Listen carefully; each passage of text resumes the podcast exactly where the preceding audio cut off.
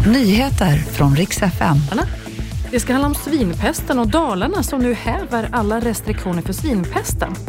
Och svenska herrlandslaget som rasar i ranking, men för damlandslaget går det betydligt. Tågtrafiken har haft problem under eftermiddagen mellan Sundsvall och Stockholm. Det har varit totalstopp hela eftermiddagen och det beror på en snöröjningsfordon som körde på en stolpe till en kontaktledning. Hela ledningen skadades. Det finns fortfarande ingen prognos den här ska vara helt åtgärdad och det är alltså södergående trafik från Sundsvall. I Dalarna där har man kunnat häva restriktionerna för svinpesten så man kan få börja vistas ute i skog och mark igen. I Fagersta där har man också en ny strategi för att bekämpa svinpesten. Vinerbröd och annat fikabröd från lokala bagerier läggs ut i skogen. Och Det här gör man för att få vildsvinen att stanna kvar i den så kallade smittozonen och alltså inte röra sig vidare.